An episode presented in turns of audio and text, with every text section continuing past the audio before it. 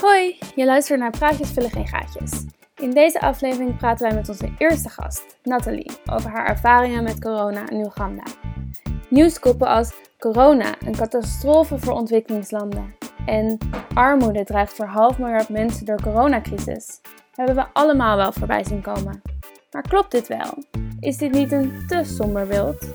Nathalie zit sinds het begin van corona in Oeganda en vertelt ons haar ervaring. Hallo Johanna.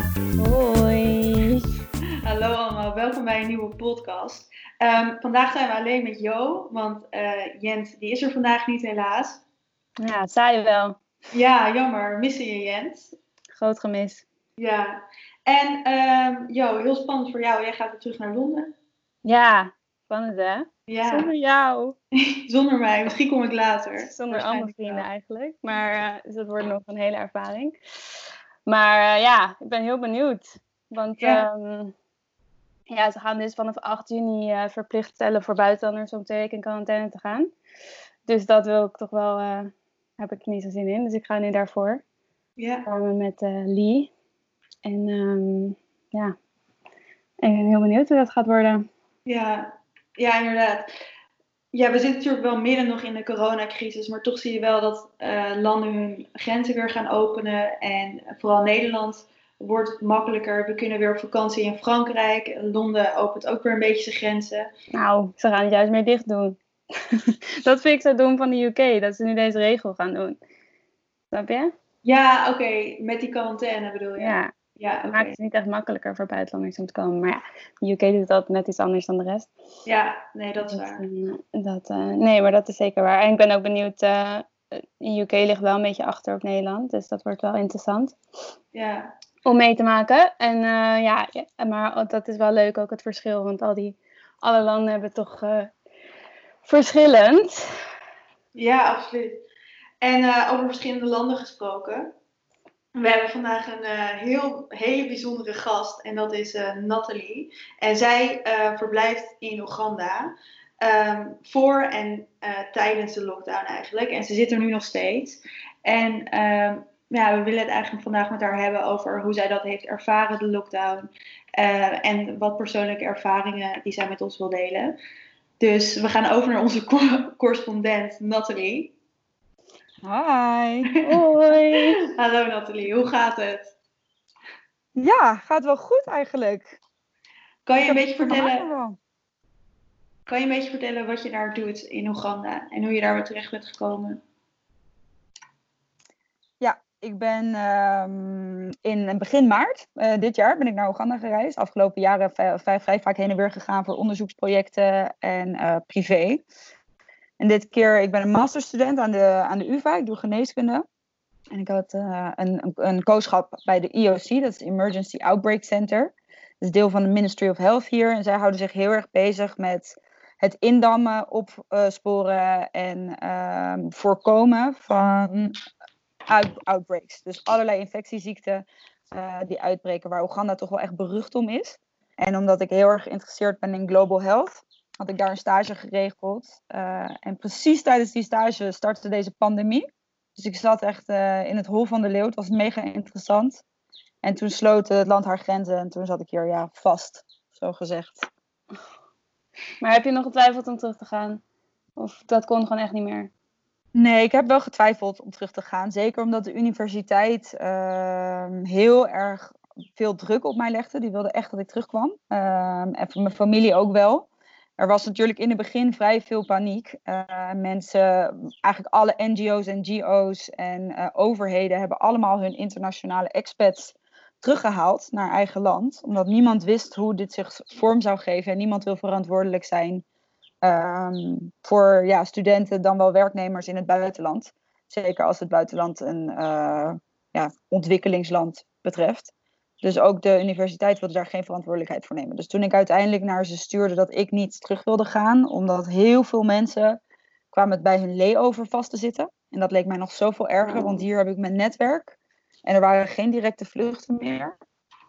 Alleen maar indirect. En ik hoorde zoveel van de Nederlanders die op hun layover vast kwamen te zitten. Weet je wat, ik, ik blijf hier. En uh, toen hebben ze een um, contract laten ondertekenen op eigen risico, voor een eigen risico. Ik moest eigen risicocontract Oh, ondertekenen. Ja. Maar Dus, als jij, eh, want je zei dat je daar begin maart naartoe bent gegaan. mhm. Toen speelde het eigenlijk wel, al, toch? Corona. Toen Ja. speelde het al, ja. De eerste gevallen waren in. Ik ben hier 8 maart naartoe gevlogen. En de eerste gevallen eh, in Nederland, die waren net vier, vijf dagen daarvoor ehm, ontdekt. En er was- toen echt nog een vraag of ik kon gaan of niet. En ik heb op de valreep te horen gekregen dat ik wel nog mocht gaan. Met, waarschijnlijk met de kans dat als ik terugkwam, dat ik twee weken in quarantaine moest. En daarna is alles crescendo gegaan. Is het allemaal eh, veranderd en is de hele wereld eigenlijk bijna in een lockdown staat gekomen. En wat heb je dan eh, uiteindelijk toen besluiten om toch te gaan en ook te blijven in Oeganda? Nou, daar, komt ook een beetje het privé bij kijken. Want mijn vriend eh, eh, is eh, een Oegandees en woont hier in Jinja, een klein stadje ten oosten van de hoofdstad. En ik vond het zo interessant ook precies omdat dit is wat ik juist wi- wil later. om, om bij de IOC te blijven, zo lang mogelijk. Om te zien van hoe pak je nou zo'n pandemie aan in een land met beperkte resources. Ehm, en ik had zelf heel erg, dat past een beetje bij mijn persoonlijkheid, maar ik denk ook wel echt daadwerkelijk bij de epidemiologie van dit virus. Ik had heel erg een, ik ben onschendbaar gevoel. En je hebt natuurlijk wel eh, uitzonderingen hè, van jonge mensen die in ernstige IC-situaties terechtkomen, maar ik had toch wel echt het gevoel van ja, de kans dat ik gepakt word hierdoor is zo klein. Ehm, ik heb niet het gevoel dat ik nou echt ontzettend in de gevarenzone zit. Ja, dat snap ik wel. En nou helemaal, ik bedoel, waar jij geïnteresseerd in bent, is natuurlijk ook wel echt een unieke kans om nu daar juist te zijn en hiermee bezig te zijn. Precies. Ja, en ik wist dat ik in Nederland niks mocht doen, thuisgezet zou worden. En hier had ik in het begin nog het idee van ja, wellicht als het echt een dramatische situatie wordt met een tekort aan, eh, aan medische hulpverleners, kan ik nog handen uit de mouwen steken en een verschil maken, kleinschalig, maar toch. Ja, en wat, wat is jouw rol daar nu precies? Nou ja, nu, mijn rol is hier eigenlijk stilgelegd. Want de grote, Oh. gigantische, dramatische situatie die geschetst wordt eh, door het Westen over Afrika, dat is niet eh, van toepassing. Maar, ehm, dus de- ik heb, ben niet nodig geweest als, als eh, healthcare worker hier. Ehm, en ze hebben vrij kort, toen in Nederland en in Europa alle grenzen sloten, hebben zij vrij kort daarna in Oeganda ook de grenzen gesloten. Eh, de grenzen, de scholen en de kerken hebben ze toen gesloten in, in afwachting tot of er een geval gevonden zou worden.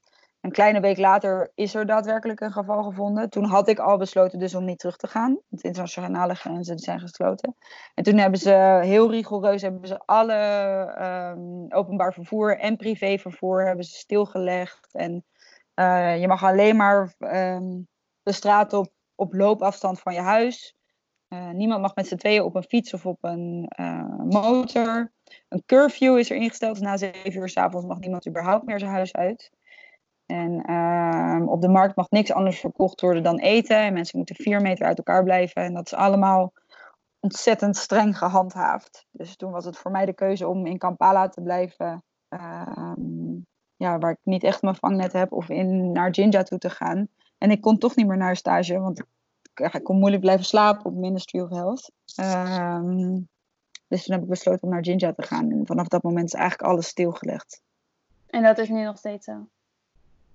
Nou, nu net twee dagen geleden hebben ze eh, private transport weer toegestaan. Dus mensen mogen nu weer in hun eigen auto. Maar nog steeds, maar tot zeven daarna mag niemand de straat meer op. En nog steeds mo- mogen er maar drie mensen in de auto eh, vervoerd worden. En nou ja, er speelt zoveel politiek door de lockdown hier in Oeganda. Dus wat ook, ook een stukje politiek is, een eh, regel die ze nu hebben ingevoerd. We mogen allemaal wel weer vervoerd worden met onze privé eh, voertuigen. Maar we moeten wel allemaal een door de government geissued mondkapje ehm, dragen omdat een van de politici had een bedrijfje eh, opgestart in mondkapjes en die verkochten niet genoeg. Dus daar wilden ze wat meer geld mee verdienen. Ah, ja. Oké, dat is heel fijn. En Nat, hoe, hoe heb jij dan zelf die lockdown ervaren? En ehm, wat is het verhaal wat jou het meest heeft bijgebleven tijdens die lockdown? Want ik hoor dat je zegt dat je eigenlijk niet meer naar buiten mag tot 7 uur. Dat is best wel een strenge regel natuurlijk. Zeker, zeker. Ja, het was ook echt in het begin heb ik het zelf best als beangstigend ervaren. Ehm, Dat komt met name wat ik net al een beetje aanstipte, is uh, in het Westen worden natuurlijk heel veel doemscenario's uh, gepubliceerd. En ik heb daar eigenlijk altijd een beetje moeite mee. Toch wel heel erg de visie van, van Europa uh, over Afrika is dat het hier in geen enkele situatie beter kan zijn dan, dan ergens anders eh, in de wereld laat staan, beter dan in Europese landen. Um, dus er werd eerst heel erg gesproken van hongersnoden die gaan komen. En als vervolg daarop um, zouden er enorme criminaliteitgroei zouden komen, geweldtoename, um, ja, xenofobie. Uh, en allerlei rampscenario's werden zelfs door grote organisaties als de WHO en de CDC geschetst. Uh, en, en breed gepubliceerd. En ik kreeg dat continu toegestuurd van vrienden. En uh, dat in combinatie met toch wel dat mensen op, op straat af en toe corona naar je gingen roepen. Uh, en de overheid hier zulke strenge regels inperkte en ook wel angst had voor wat dat voor armoedegevolgen zou hebben. Ze hebben, hadden toch iemand nodig om aan te wijzen als boosdoener. Dus zij hebben ook best wel vaak in hun speeches benoemd dat het de buitenlander was die dit naar Oeganda heeft meegenomen. En de buitenlander dit en de buitenlander dat. Nou ja, de combinatie van die twee had ik op een gegeven moment wel echt het gevoel van: mijn god, zit ik hier wel veilig? Want wij wonen in een klein dorpje en ik ken de mensen in dit dorpje wel. Maar, want ik ben hier natuurlijk vorig jaar ook een jaar geweest. Maar toch, hè, oh, een paar dorpen verderop weten ze ook wel dat ik hier woon, want ik ben de enige uh, blanke um, in dit dorpje. Als ze echt op een gegeven moment zo'n armoede hebben en zo'n woede en zo'n projectie dat het de schuld is van die buitenlander, dan kunnen ze van een dorpje verderop ook wel dit huis kunnen komen bestormen. En wat heb ik hier nou om mezelf te verdedigen? Dus in het begin heb ik die angst echt wel gehad. Um, op een gegeven moment appt dat toch weg. Dat is deels, denk ik, gewenning. En deels ook wel dat je om je heen ziet van, kijk, het is helemaal niet zo. Ik had het er met mijn vriend over. Um, natuurlijk ook ter voorbereiding van deze podcast. Van ja, goh, wat, hoe, hoe is, heeft Oeganda nou hierop gereageerd? En hoe gaat het nou verder met Oeganda? En toen zei hij van ja, nou ja, wat er gebeurd is, toch 80% van het land hier is based on ag agriculture. En het is een ontzettend vruchtbaar land. En je ziet om ons heen heel veel stukken land, plots of land, die, die eigenlijk al jaren droog staan. Niemand doet daar iets mee. Ze zijn aan wachten tot ze geld hebben om er een, een, huis op te bouwen. En die zijn ze nu tijdens de lockdown zijn ze er allemaal eten op gaan verbouwen. En er is zoveel land om eten op te verbouwen in, in Oeganda. De meeste mensen hebben het voor elkaar gekregen om net voordat um, de lockdown echt geïmplementeerd werd, terug te gaan naar de dorpen waar ze vandaan kwamen vanuit uh, stedelijk gebied. En daar is eigenlijk gewoon eten genoeg. Mensen zijn wel door hun, door hun spaarrekening heen gegaan, maar ze kunnen elkaar in het leven houden, want het was precies wet season, het season om te planten. En dat hebben ze ook allemaal gedaan. En zoveel hongersnood is er in die agricultural gebieden eigenlijk niet geweest. In de steden wel, begrijp niet verkeerd. Er zijn echt mensen die geleden hebben hoor. Maar uh, veel minder dan dat we in eerste instantie dachten. En dat zie je gewoon om je heen. De, de politie, het politiegeweld en uh, echt de strenge handhaving, dat is in Kampala, dat is in de stad. Hier in het dorp spelen de kinderen nog steeds op straat en iedereen verbouwt land in hun achtertuin. En er is armoede, maar er is geen honger. Dat scheelt heel, heel veel. En er is eigenlijk nooit agressie geweest tegen mij hier. Dus uh, ik denk echt dat het toch een beetje angst is geweest dat wat van buitenaf um, ja, opgelegd wil ik niet zeggen, maar toch wel ingeboezemd is. Maar is dat het niet sowieso? Want ik weet, zeg maar eigenlijk als je kijkt naar, uh, ik weet niet precies de aantallen, maar over, algemeen zijn in de meeste Afrikaanse landen de aantal, zeg maar, besmettingaantallen heel laag. En is het vooral dus eigenlijk, en ze hebben ze wel heel veel, heel snel drastische maatregelen genomen. Terwijl in, als je kijkt naar Europa, Europese landen zijn ze daar veel, pas veel later mee begonnen, omdat echt, zeg maar, de besmettingen steeds hoger werden. Dus is het niet sowieso, is dat niet dat zij zo streng hebben gehandhaafd meer reactie op het buitenland. En dat ze ervan bang werden en dus dat ook maar hebben gedaan. Zeker, dat is absoluut zo. En ergens is, er te, is het te beargumenteren dat een land als Oeganda is vrij chaotisch. En je moet hele harde, hele strenge regels instellen. Uh, en die ook wel heftig handhaven. Uh, in het begin. Om, om het voor elkaar te krijgen om zo'n lockdown te implementeren. Alleen Um, de vraag is een beetje, wat heeft ervoor gezorgd dat de, dat de, de infecties zo laag zijn gebleven? Hè? De infectierate in, in Oeganda en andere Oost-Sub-Saharan African uh, countries.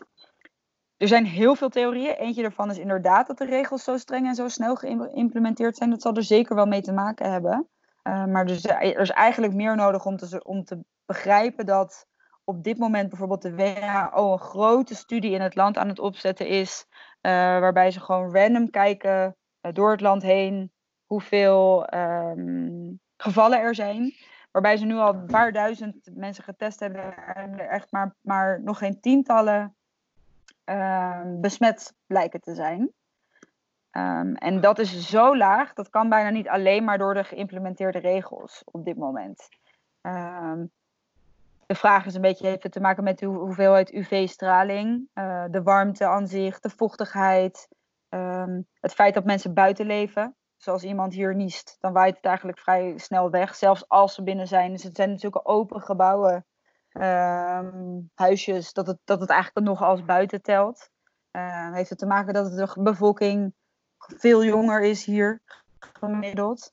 Of sommigen zeggen, dat is natuurlijk vanuit medisch uh, argumentatie best snel te weerleggen, maar sommigen zeggen er zijn zoveel infectieziekten hier dat mensen over het algemeen een uh, sterker immuunsysteem hebben. Mm. Of het is een beetje van alles of een argument wat we nog niet ontdekt hebben, maar het lijkt er echt op uh, dat het ook niet het geval is dat mensen minder testen en er daarom minder gevallen zijn. Want grote cohortonderzoeken nu laten ook zien dat er daadwerkelijk gewoon minder besmettingen in het land zijn. Wat het precies is, kan ik mijn vinger niet op leggen. Maar ze zijn inderdaad in het begin van de lockdown zeker uh, in één keer heftig al ingegaan, om, doordat ze gezien hebben wat er in Europa gebeurt. Dus ja, dat denk ik dat het absoluut meegespeeld heeft. Maar, ja. denk, je, maar denk je dan dat um, dat die soort van hele angstscenario's die veel dan in het Westen zijn geschetst over ontwikkelingslanden, dat het daar. Uh, en ook dat er dat ook veel ontwikkelingsorganisaties hebben gezegd van we moeten geld ophalen om, dat, om, de, om ontwikkelingslanden te helpen. Dat dat die angst eigenlijk te uh, groot is neergezet. Dat die er niet meer. Um, nou ja, ik denk zeker dat die angst te groot is neergezet. Uh, het, het, is natuurlijk vrij makkelijk voor mij, hè, want het is bijna achteraf. We zitten er natuurlijk nog in, maar het voelt al een beetje als achteraf, omdat we meer naar de, naar de beterende kant gaan, laat ik het zo zeggen. Landen gaan open. Het is achteraf altijd makkelijker om te zeggen van, goh, dit hadden jullie niet zo moeten schetsen. Dus wat dat betreft, uh, ja, konden zij dat niet weten van tevoren. Het enige wat er zo doorheen schemert en wat mij zo dwars zit, is dat het altijd zo is als het over Afrika gaat. Dat mensen gewoon niet kunnen geloven uh, dat, dat mensen het hier beter af zijn. Dus zelfs toen de cijfers dat uitwezen, toen kwamen er zoveel artikelen weer van ja, maar het is corruptie. En dat is er zeker. Uh, maar dat hoeft niet per se de reden te zijn van het lage aantal uh, infecties die je hier zag. En dat mensen zeiden van ja, maar ze zeggen de waarheid niet, et cetera, et cetera. En over je vraag dat het gevolg daarvan is, we moeten geld sturen. Denk ik zeker dat het een overreactie is geweest. Het lastige over geld sturen naar dit soort landen is de corrupte regering. Ja. Als je in Nederland, um, ik las op een gegeven moment dat Nederland van plan was om 1 um, biljard euro aan ontwikkelingshulp naar Afrika te sturen.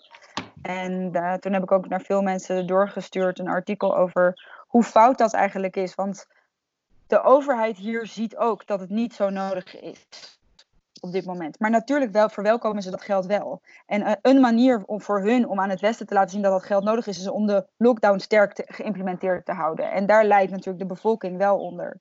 Dat geld komt helemaal niet bij de bevolking. Na een fractie daarvan. En dat lijkt ook niet nodig te zijn, omdat de bevolking hier minder geïnfecteerd lijkt. En, en er niet ziek van, heel, heel ziek van lijkt te worden. Dus dat gaat eigenlijk allemaal rechtstreeks de, zakken van de overheid in. Maar zij gaan natuurlijk niet zeggen van, goh, het valt hier allemaal wel mee, wij doen de grenzen weer open. Want het is hier allemaal minder erg. Zij blijven schetsen toch ook hoeveel nieuwe gevallen er zijn en hoe angstig zij zijn voor die doemscenario's. Dat voeden zij ook, want ze krijgen er zoveel geld door. En dat komt helemaal niet bij, bij de gemiddelde Oegandees. Ja. Ik vind het echt een uh, super interessant onderwerp. Maar uh, we moeten ook even kijken naar de, naar de tijd. Um, dus ik wil hier graag uh, op doorgaan in onze volgende podcast. En dan kunnen we misschien praten over die ontwikkelingshulp en over de politieke situatie in Oeganda, waar jij net over had. Dat ze het dan misschien toch aangrijpen om striktere regels aan te houden. En ja, wat er eigenlijk gedaan wordt met die ontwikkelingshulp.